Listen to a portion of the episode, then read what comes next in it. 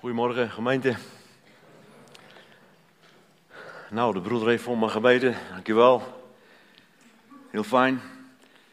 Ik was vanmorgen al hartelijk eh, ontvangen met koffie. En eh, ik kreeg, ik kreeg een, eh, een extraatje vanmorgen. Toen uh, vanmorgen jullie allemaal binnenkwamen, sprak een broeder mee aan en die bemoedigde me.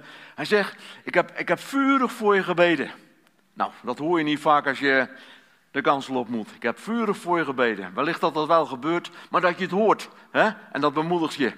Mensen, goed om uh, hier te zijn vanmorgen, goed om elkaar te ontmoeten. Wat is het een zegen om gemeente te zijn, toch? Ja, amen. Geweldig. En, en een mooie liederen gezongen. En dan twee gezinnen die hun kinderen bij de Heer Jezus mogen brengen. Dan is dat altijd ook een feest, hè? En inderdaad, ja. En dan is het een mooie, mooie psalm, wordt er dan aangehaald dat uit de mond van kinderen en zuigelingen de Heere God lof heeft bereid. Ja, en dan denk ik van, wat, wat, kunnen we nog veel leren van kleine kinderen soms, toch? Ja, want, want, want wat is het goed om ook als volwassenen lof te bereiden voor onze Heer Jezus Christus. Ja, want Hij is onze heiland, Hij is onze redder, mensen. En dat heeft alles te maken met het thema van vanmorgen. Want uh, ja, ik zag ook, zat even naar de PowerPoint te kijken. En dan stond er op thema, puntje, puntje, puntje, puntje. En toen dacht u natuurlijk van, ja, waar gaat die man het over hebben? Nou, ik ga het hebben over genade. En je zou kunnen zeggen, is, is er een mooier onderwerp in de Bijbel dan genade? Nou, ik denk het niet. Zeker niet als we de genade zien in de persoon van de Heer Jezus Christus, de Zoon van God, de God de Zoon. Want Hij is degene die die genade is komen brengen vanmorgen. Ik wil met jullie graag een gedeelte lezen uit uh, Titus, hoofdstuk 2.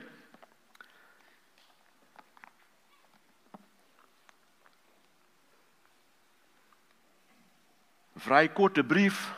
Als u uw Bijbel bij u heeft, leest u mee. Paulus schrijft aan een uh, relatief jonge gemeenteleider, Titus, over genade. En dan staat er in hoofdstuk 2, vers 11, dat lezen we dan. Want de genade van God is verschenen, heilbrengend voor alle mensen, om ons op te voeden, zodat wij de goddeloosheid en wereldse begeerte verzakende, bezadigd, rechtvaardig en godvruchtig in deze wereld leven. Verwachtende de zalige hoop en de verschijning van de heerlijkheid van onze grote God en heiland, Christus Jezus die zich voor ons heeft gegeven, om ons vrij te maken van alle ongerechtigheid en voor zich te reinigen een eigen volk, vol ijverig in goede werken. Spreek hiervan, vermaan en weerleg met alle nadruk, niemand mag u verachten. Als we de brief van Titus lezen, dan zien we dat Paulus deze jonge gemeenteleider eigenlijk drie opdrachten geeft. Hij moet oudsten aanstellen in de gemeente daar. Kreta. Hij moet spreken overeenkomstig de gezonde leer. En hij moet zaken in herinnering blijven brengen. Nou, drie opdrachten, prachtige opdrachten die Titus krijgt. En in dat sleutelhoofdstuk, hoofdstuk 2, daar wijst Paulus nog eens een keer extra op de genade van God die verschenen is. Genade, een kenmerk van Paulus in bijna al zijn brieven. Hij begint vaak met genade zij u en. Ja, voor degenen die uit de gereformeerde traditie komen, die hebben dat elke week gehoord, toch? Zo begon de dominee. Genade zij u en vrede van God onze Vader en van zijn Zoon, de Heer Jezus Christus. Een prachtige welkomstgroet eigenlijk. Om zo aan het begin van de dienst te beginnen met die genade van God. En heel vaak sluit Paulus ook weer met genade af in zijn brieven. Genade een kenmerk, of een keur, keurmerk zou ik haast zeggen, van de brieven van Paulus. Nou, wat is genade dan eigenlijk? Ik heb uh, begrepen dat groep 8 in de dienst zit, hè? Jongens, waar zitten jullie? Oké. Niemand uit groep 8 aanwezig. Oké. Nou, hier zitten drie mannen. Drie stoere knapen. Jullie hebben in groep 8 gezeten, toch, hè? Ja. ja, joh. Eh, ja, toen ik jullie net zag zitten, toen moest ik even denken aan de drie vrienden van Daniel. Kennen jullie die? Ja, hè? Daniel, die drie vrienden die in, in, die in die vurige oven terecht kwamen. En de Heer Jezus die haalde ze eruit, want die is altijd bij je, zelfs in het vuur. Maar weten jullie nog dat je in groep 8 zat? Denk eens even terug aan die tijd, man. Ja, dat is al lang geleden, of niet? Ja? Ja, heel wat jaartjes geleden, hè? Nou, laat ik dan even net, laten we nog even net doen of dat jullie in groep 8 zitten. Wat is genade? Een gratis gift van God. Heel mooi. Mooi gezegd. Een gratis gift van God. Gratis betekent, het, het, het kost je niks, je hoeft er niets voor te doen, uh, kost je geen poen, je hoeft er niet hard voor te werken. Je, ontvangt het gratis. Het, het, is dus een gift, een genadegift in dit geval. En, en, en het komt van God, heel kernachtig gezegd. Dus je krijgt eigenlijk iets wat je niet verdient. Mooie omschrijving van genade. Zou je, zou je die medaille ook nog om kunnen draaien? Kan je nog iets zeggen van genade? Ja, is lang geleden dat je in groep 8 gezeten hebt. Dan, toen wist je dat allemaal nog wel, hè? Want, want je hebt het keurig gezegd, dat is één kant van de medaille. Het is een onverdiende gunst. Je, je, je krijgt iets wat je niet verdient. Maar, maar als je de medaille omdraait, dan staat er ook iets heel moois. Je krijgt iets niet wat je wel verdient. Ja, laat die maar eens even zakken. Laat die maar eens even zakken. Je krijgt iets niet wat je wel verdient. De, de Engelsen hebben daar ook, wij, wij, wij hebben het over genade. De Engelsen gebruiken grace en mercy. De beide kanten van genade. Prachtig mooi. En genade, het is iets, niet alleen iets wat we van God ontvangen. En het is ook niet alleen iets wat we niet krijgen wat we wel verdienen. Maar genade doet ook iets met ons. Genade maakt ons namelijk aangenaam in de ogen van God. Het, het verandert ons. Als, als, als God naar zijn kinderen kijkt en als hij zo vanmorgen naar u, naar u en mij kijkt, als zijn kinderen die genade hebben gekregen, dan, ja, ik zeg dat maar heel kinderlijk, dan verschijnt er een grote glimlach op het gezicht van onze God. Ja, amen. Dat was een mooi moment om even amen te zeggen. Dankjewel. Ja, dan verschijnt er een grote glimlach. Want we zijn aangenaam gemaakt voor God. Denk maar eventjes aan, aan, aan Maria, als die engel bij haar komt. Nou, hele belevenis voor zo'n jonge vrouw. Een jonge vrouw die nog geen gemeenschap heeft gehad met Jozef. Ze gaat wel, was wel van plan om met hem te gaan trouwen, maar er was nog geen gemeenschap. Dan komt, dan komt die engel bij haar en dan zegt die engel, Maria, begenadigde vrouw, zegt hij. Met andere woorden, als ik dat eventjes mag vertalen voor vanmorgen. God kijkt naar jou. God heeft jou aangenaam gemaakt. En God heeft gezegd, Maria, in jou zal ik door de geest mijn zoon verwekken. Uit jou laat ik mijn zoon geboren worden. Je bent aangenaam gemaakt in mijn ogen. Aangenaam. Mensen, en dat zijn we allemaal. Als je de Heer Jezus hebt leren kennen. Als je die genade van God hebt mogen ervaren in je leven, dan mag je zeggen: Ik ben aangenaam in de ogen van God.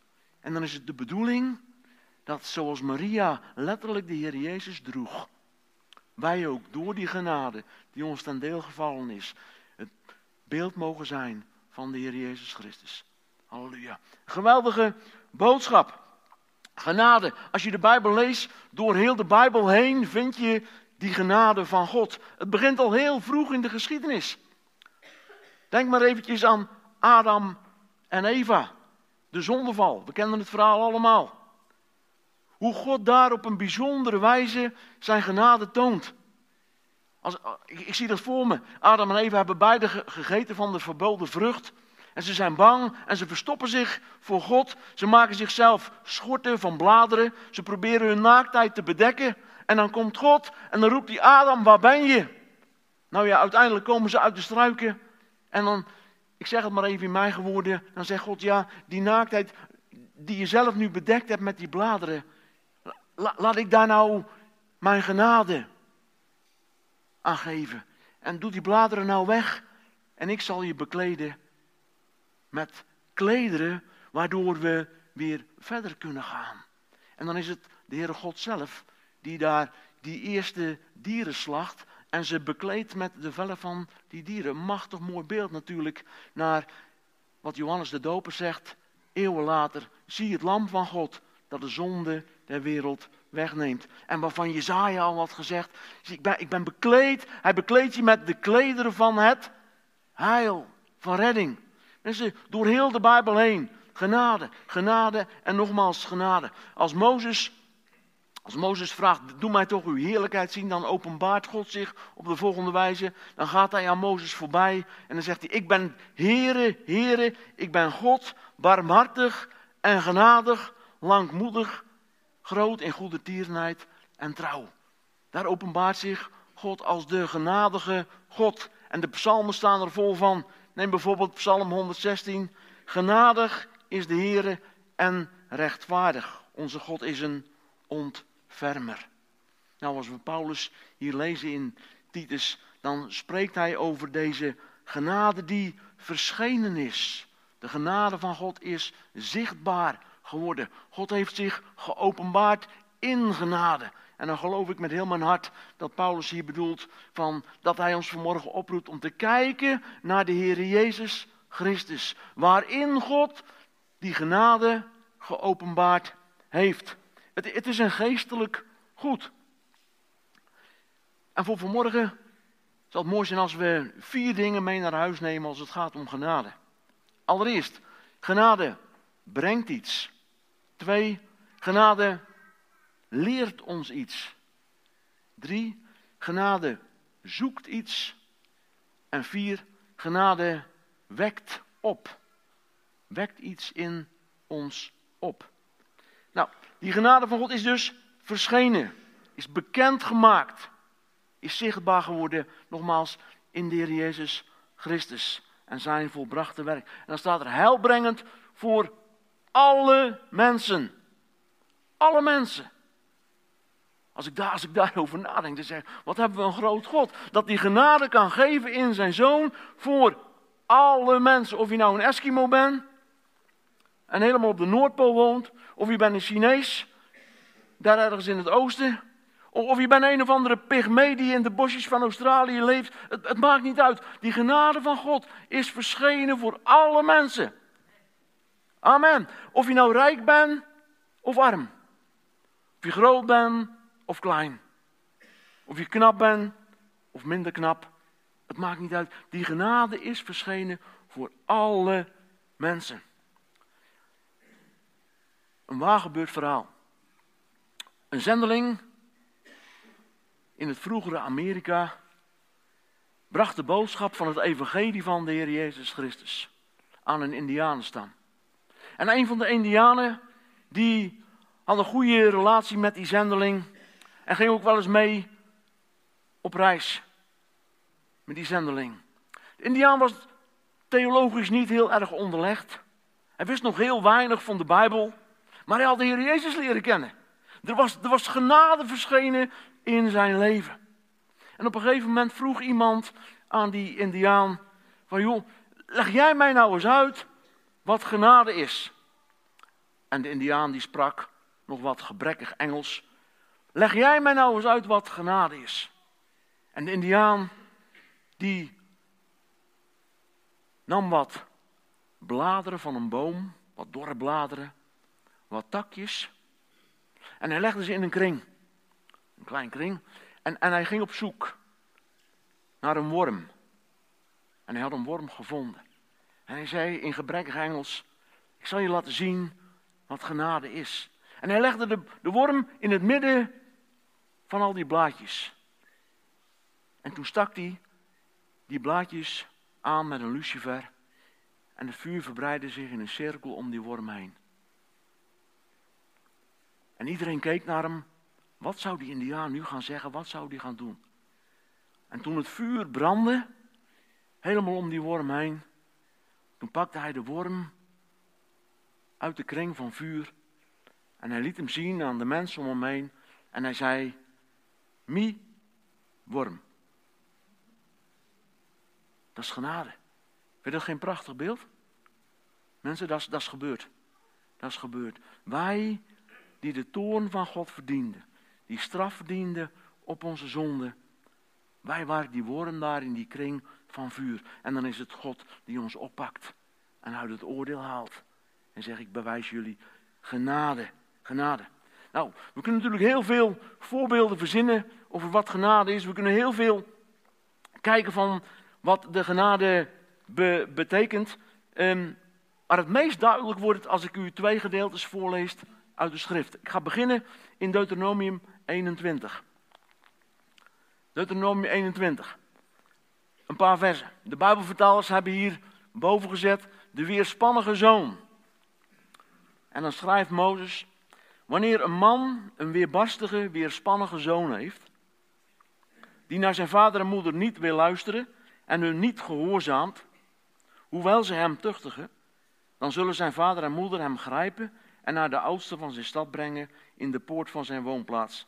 En zij zullen tot de oudste van zijn stad zeggen, deze zoon van ons is weerbarstig en weerspannig, hij wil naar ons niet luisteren, hij is een doorbrenger en een drinker. En dan zullen alle mannen van zijn stad hem stenigen, zodat hij sterft. Zo zult gij het kwaad uit uw midden wegdoen. Geheel Israël zal dit horen en vrezen. Nou, ik weet niet hoe het u vergaat, maar je, je, moet er toch niet aan denken dat, dat we dat in deze tijd nog steeds zouden doen. Een weerspannige en weerbarstige zoon. Nou, zo schrijft Lucas ook over een zoon. Als ik dat maar naast elkaar leg, dan, dan kan het niet anders of die genade van God wordt bijzonder duidelijk. Lucas 15 vanaf vers 21, we hadden net de weerspannige zoon, de weerbarstige zoon die gestenigd werd. En dan schrijft Lucas hier ook over een zoon. En we kennen hem allemaal als de verloren zoon. En de verloren zoon die bij zijn zinnen komt en terugkomt bij de vader. En dan staat er dit in vers 21. De zoon zei, vader, ik heb gezondigd tegen de hemel en voor u. Ik ben niet meer waard uw zoon te heten. Maar de vader zei tot zijn slaven, breng vlug het beste kleed hier. Trek het hem aan. Doe hem een ring aan zijn hand en schoenen aan zijn voeten. En haal het gemeste kalf, slacht het en laten we een feestmaal hebben. Want mijn zoon hier was dood en is weer levend geworden. Hij was verloren en is gevonden. Mensen, we zien direct, genade van God wordt niet zichtbaar, ik heb het maar zo genoemd voor vanmorgen, wordt niet zichtbaar in stenen. Genade van God wordt zichtbaar in brood. Halleluja. Wat een wonder. Wat, een verandering. Wat een verandering is het geweest toen de Heer Jezus kwam, toen hij verscheen, toen er genade openbaar werd. En Paulus die legt eigenlijk aan Titus uit van Frans, of aan Titus en, en aan mij, aan Frans, laat ik het maar bij mezelf houden. Frans, jij, jij was die weerbarstige zoon. Jij was die weerspannige zoon. Hij zegt dat in Titus 3. En voordat we naar ons, ja, onze sleuteltekst van vanmorgen gaan, is nog even een stukje uit, uit Titus 3. Paulus die zegt in Titus 3, vers 3, want vroeger waren ook wij, en dan heeft hij het niet alleen over Frans, maar dan heeft hij het over ons allemaal. Vroeger waren ook wij verdwaasd. Je zou kunnen zeggen, Deuteronomium 21, vroeger waren ook wij weerbarstig. Vroeger waren ook wij ongehoorzaam, zegt Paulus hier. Ja, die zoon uit Deuteronomium 21, die ongehoorzaam was. Vroeger waren ook wij dwalend, die weerspannige. Verslaafd aan velerlei begeerte en zingenot, zegt Paulus hier in Titus. Een doorbrenger, zoals Deuteronomium zegt. En een drinker. Levende in boosheid en nijd. Hatelijk en elkander hatende. En dan gaan we in deze tekst eigenlijk over van Deuteronomium 21 naar Lucas 15. Want dan gaat Paulus focussen op God de Vader. Eerst focust hij op die zoon, die weerbarstige, weerspannige zoon. Vroeger was je dat Frans. En, en dan gaat hij drie eigenschappen noemen van de Heere God. Maar toen, en dan zitten we in Lucas 15. Toen de goede tierenheid en de mensenliefde van onze heiland en God verscheen, heeft hij niet omwerken der gerechtigheid, die wij gedaan zouden hebben, doch naar zijn ontferming ons gered. Door het bad der wedergeboorte. En de vernieuwing van de Heilige Geest, die hij rijkelijk over ons heeft uitgestort door Jezus Christus, onze heiland. Mensen, dat maakt het verschil. Gods genade maakt het verschil tussen Deuteronomium 21 en Lucas 15. En dat doet God door zijn zoon te geven. Door de Heer Jezus te openbaren. En daarmee laat hij zijn goede tierenheid, zijn mensenliefde en zijn ontferming zien. Karakter van God, dat genade, die, die genade, maakt hij openbaar in zijn Zoon, de Heer Jezus Christus. Opdat hij ons brood kan geven en geen stenen. Wat, wat een wonder is dat.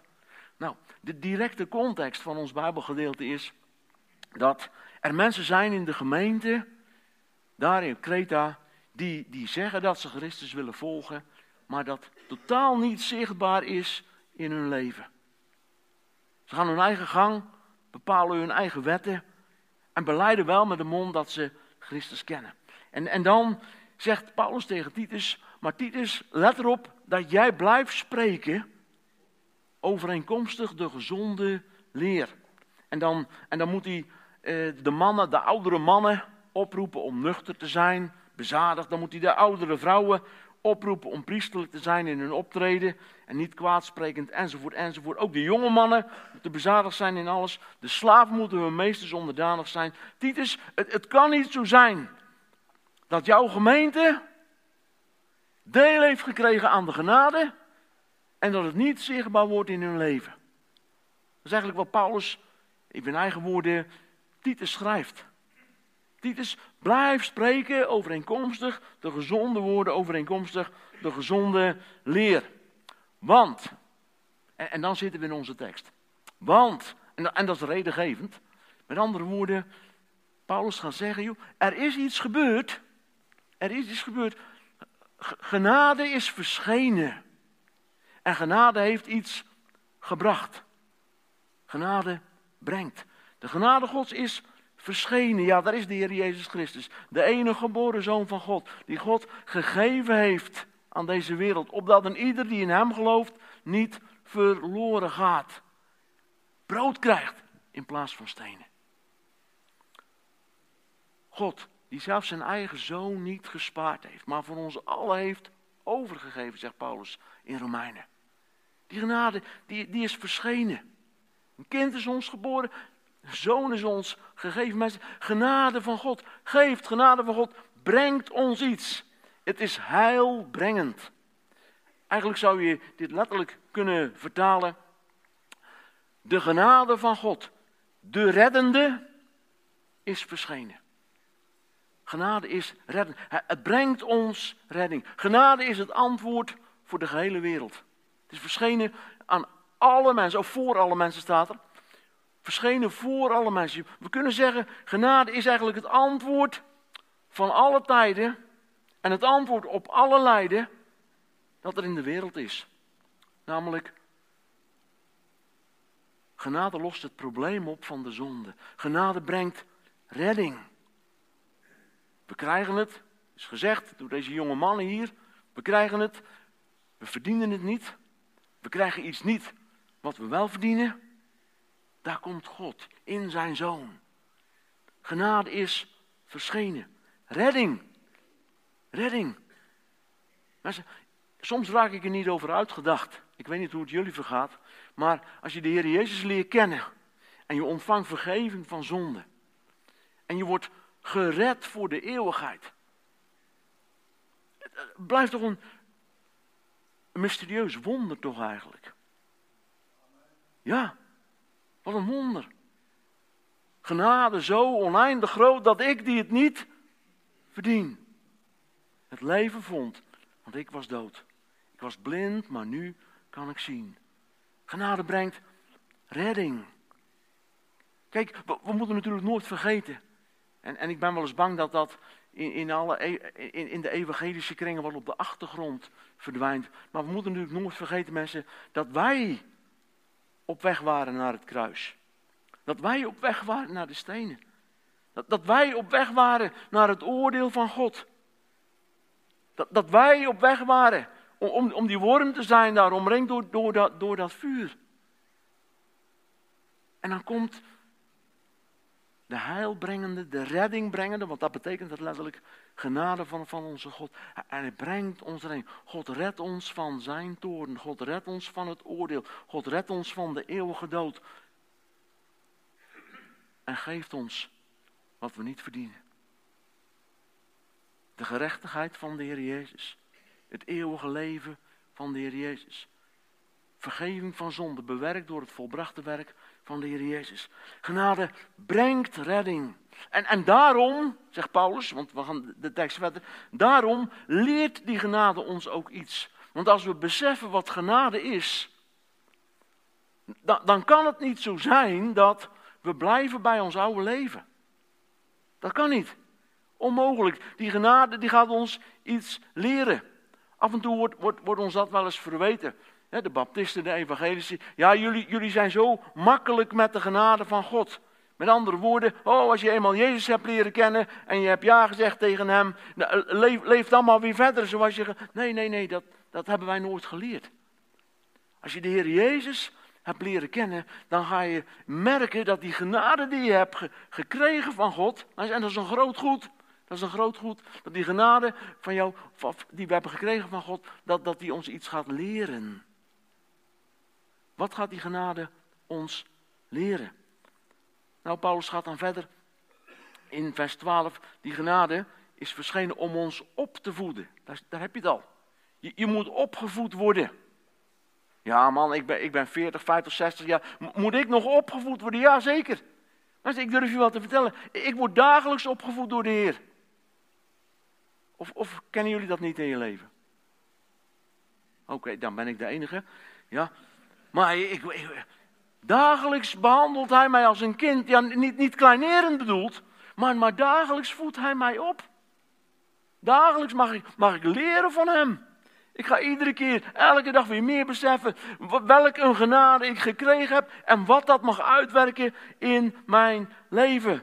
Kijk, die genade van God is verschenen. En nou is het de bedoeling dat die genade die verschenen is voor ons ook mag gaan schijnen door ons. Ja, dat is ons getuigenis. Dat is ons getuigenis. De mensen mogen het zien aan ons. In een veranderd leven. Nou, Paulus zegt het zo, dat God, Paulus zegt, God heeft mij geroepen door zijn genade. En het heeft hem behaagd zijn zoon in mij te openbaren. Kennen jullie dat kinderliedje nog? Ik wil meer en meer gaan lijken op Jezus. Ik wil, nee, niemand. Nou, uh, Prachtig joh. Ik wil meer en meer gaan lijken op Jezus. Als je dat, als je dat met heel je hart zingt, dan heb je deel gekregen aan genade. Want dat is wat genade ons leert. Ja, als je, als je de goedheid van God hebt leren kennen daarin, dan, wil je niet anders al meer en meer gaan lijken op Jezus. Genade geeft niet een vrijbrief om te blijven leven zoals je leefde. Paulus zegt het in Romeinen zo. Moeten, moeten we bij de zonde blijven soms, opdat de genade toenemen? Met andere woorden, joh, als, als, als genade zo'n groot goed is, dan kan je beter blijven zondigen. En eh, dan krijg je meer genade. Nee, zegt Paulus, volstrekt niet. En in de Timotheusbrief zegt Paulus, als je de naam van de Heer Jezus aanroept, met andere woorden, als je deel gekregen hebt aan die genade, dan, dan breek je met de ongerechtigheid. Het kan niet anders dan dat ware genade ons gaat leren, ons, ons onze verlangen geeft, of onze uitstrekken naar heiliging. En dan zegt Paulus hier inderdaad, die genade is verschenen om ons op te voeden. Zodat, en zodat dat geeft een, een doel aan of, of een gevolg. Zodat wij, en, en, en dan komt hij. En, en, en, en dat lied, dat zingen we, dat, dat, dat de couplet van het lied wat ik net eventjes aanhaal over die genade, dat zingt in het, zegt in het tweede couplet van genade die mij heeft geleerd, daar heb je het, te vrezen voor het kwaad. Genade die mij heeft geleerd te vrezen voor het kwaad. We moeten dus opgevoed worden, zegt Paulus. En, en, en wat houdt dat in? Dat betekent dat Paulus zoiets ons leert. Hij zegt, joh, de goddeloosheid en de wereldse begeerte. En, en die ken je nog uit je oude leven, uit de tijd dat je de Heer Jezus niet kende. Paulus zegt, het is de bedoeling dat je die verzaakt. Dat je, dat je daar niet meer op gericht bent. Dat, dat je eigenlijk die, die goddeloosheid en die wereldse begeerte, want dat woord betekent het letterlijk, weigert. Het hoort niet meer bij jou omdat je deel hebt gekregen aan de genade van God. Genade leert ons om die dingen te verzaken. En dan gaat Paulus verder. Genade leert je om bezadigd. Dat betekent verstandig, bezonnen. Om rechtvaardig. Je zou kunnen zeggen dat woord dat betekent zo, zoals het hoort, zoals het betaamt. En godvruchtig in deze wereld zouden leven. Dus genade voedt ons op.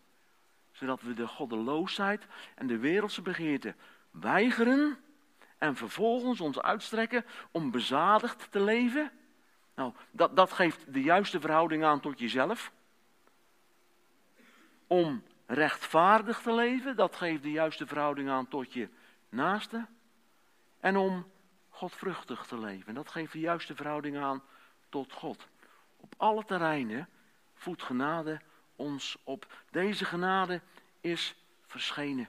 En, en lieve mensen, en, en dat is de zegen die we als christen persoonlijk in de wereld mogen, mogen zijn voor anderen, maar ook dat is de genade die we uit mogen stralen als gemeente naar de wereld.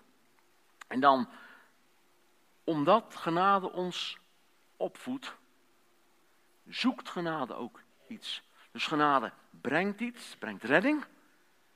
Genade leert ons heiliging. En genade zoekt dienstbaarheid. Waar staat dat dan Frans nou? In vers 14. Dan, dan, dan vat Paulus nog eventjes heel kort samen waarin die genade zichtbaar is geworden. Want die genade was verschenen. Onze grote God en heiland Christus Jezus. En die persoon die zich voor ons heeft gegeven. Wandel in liefde, zegt Paulus in de Efezebrief, zoals ook Christus u heeft lief gehad en zich voor ons heeft overgegeven als een offergave en een slachtoffer, goden tot een welriekende reuk. Ja, over deze genade hebben we het, zegt Paulus. Hij heeft zich voor ons gegeven om ons vrij te maken. Hij heeft een prijs betaald. Er wordt daarover loskoping gesproken. Van alle ongerechtigheid. En voor zich te reinigen een eigen volk. Kijk, daar komt die genade die zoekt naar dienstbaarheid. Want dan zegt Paulus, om voor zich te reinigen, een eigen volk vol ijverig in goede werken. Dat is wat genade zoekt. In u en in mij. Vanuit die redding, vanuit die heiliging, zegt genade. En, en, en nou gaan we op zoek naar goede werken, waardoor je een getuige kan zijn van de Heer Jezus Christus. Dienstbaarheid. Ijverig in goede werken. Ja, dat woordje, dat woordje ijverig, dat is ook een prachtig woord. Hè? Maar, want wat is nou ijver? Een werk van ijver of een werk tot ijver of gedreven door ijver. Vol ijverig in goede werken. Ik heb eigenlijk een hele mooie definitie gevonden van wat, wat ijver nu eigenlijk is. Ijver is eigenlijk de, de, de innerlijke overtuiging, de, de, de drive, of misschien moet je zeggen, het moment waarop haat en liefde bij elkaar komen. Wat bedoel je daarmee, Frans? Ik bedoel, de genade werkt, brengt redding. De genade leert heiliging. Het zoekt ijverige werken. Genade brengt ons op het punt van haat, waar, waar we de zonde en de ongerechtigheid gaan haten. En de liefde van God willen volgen. Op, op dat punt. En, ik denk dat je dat punt allemaal wel herkent in je leven. Bij, bij, soms niet eens uiterst verbolgen over onrecht, onrecht en onrechtvaardigheid? Ja, ik wel. Soms kan ik me wit, ja, ik ben nou maar even heel kwetsbaar. Soms ben ik wit heet. Over de ongerechtigheid die ik zie. Ja, wit. En, en, en dan kom je zwaar in brand te staan voor de liefde van God. En, en, dan, en, dan word je ertoe gedrongen, met een R, niet met een, niet met een W, niet gedwongen, maar gedrongen, om te spreken in een situatie. En onrecht te benoemen en de gerechtigheid van God te brengen. Want dat, dat, dat, is, dat is ijver. Dat is ijver. Genade zoekt. Dienstbaarheid.